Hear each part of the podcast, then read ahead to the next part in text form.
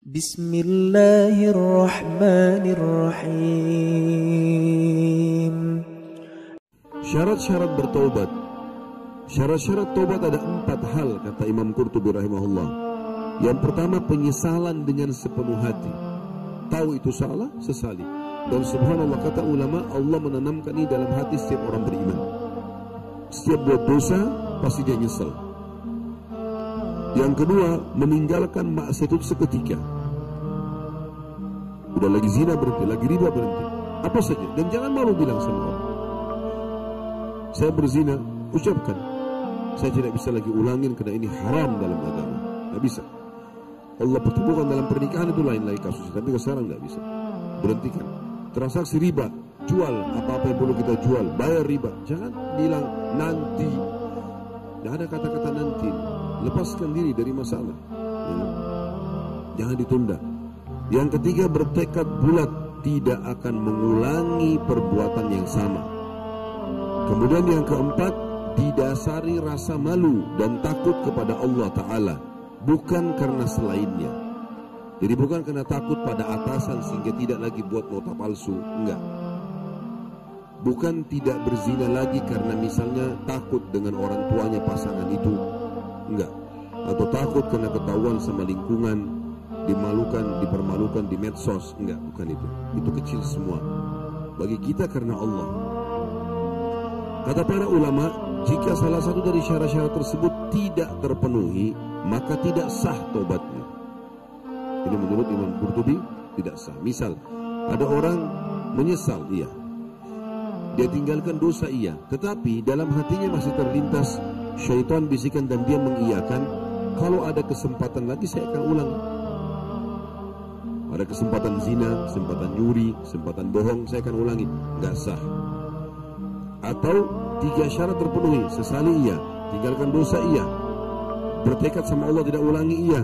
Tetapi dia kerjakan atau dia tinggalkan karena takut saja sama atasannya karena tidak enak sama lingkungannya dan seterusnya. Maka itu semua juga tidak sah kata beliau pendapat lain di antara syarat-syarat taubat ialah mengakui dosa dan banyak beristighfar yang berakibat lepasnya sama sekali dari ketagihan berbuat dosa tersebut.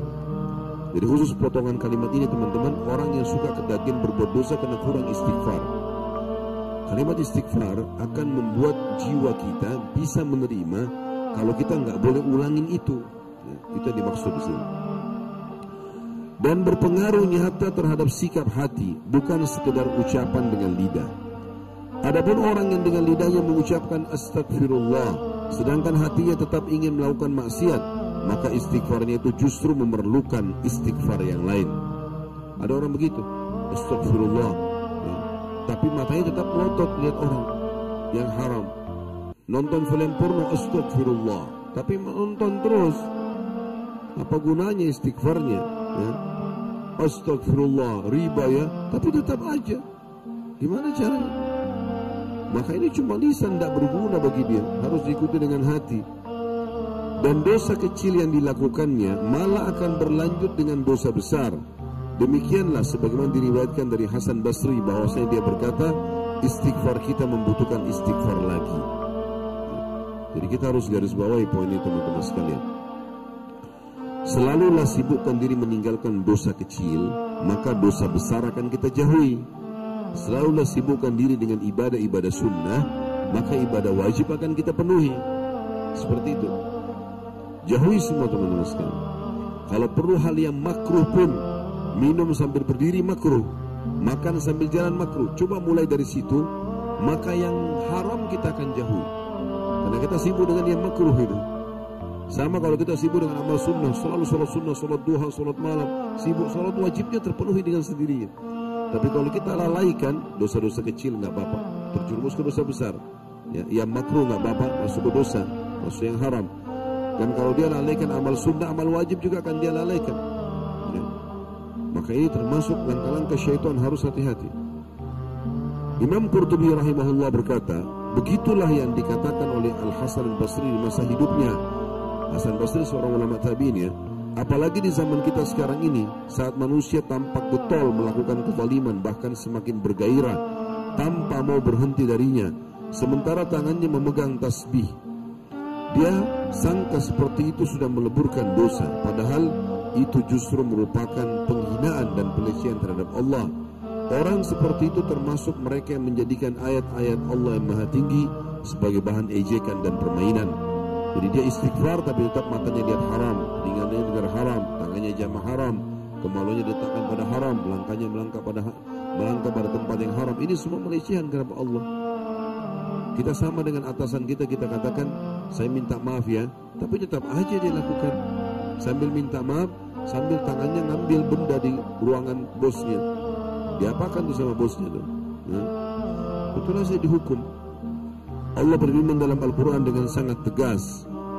Al-Baqarah ayat 231 wala wala tattakhidu ayatillahi huzwa. Jangan pernah kalian jadikan ayat-ayat Allah sebagai permainan.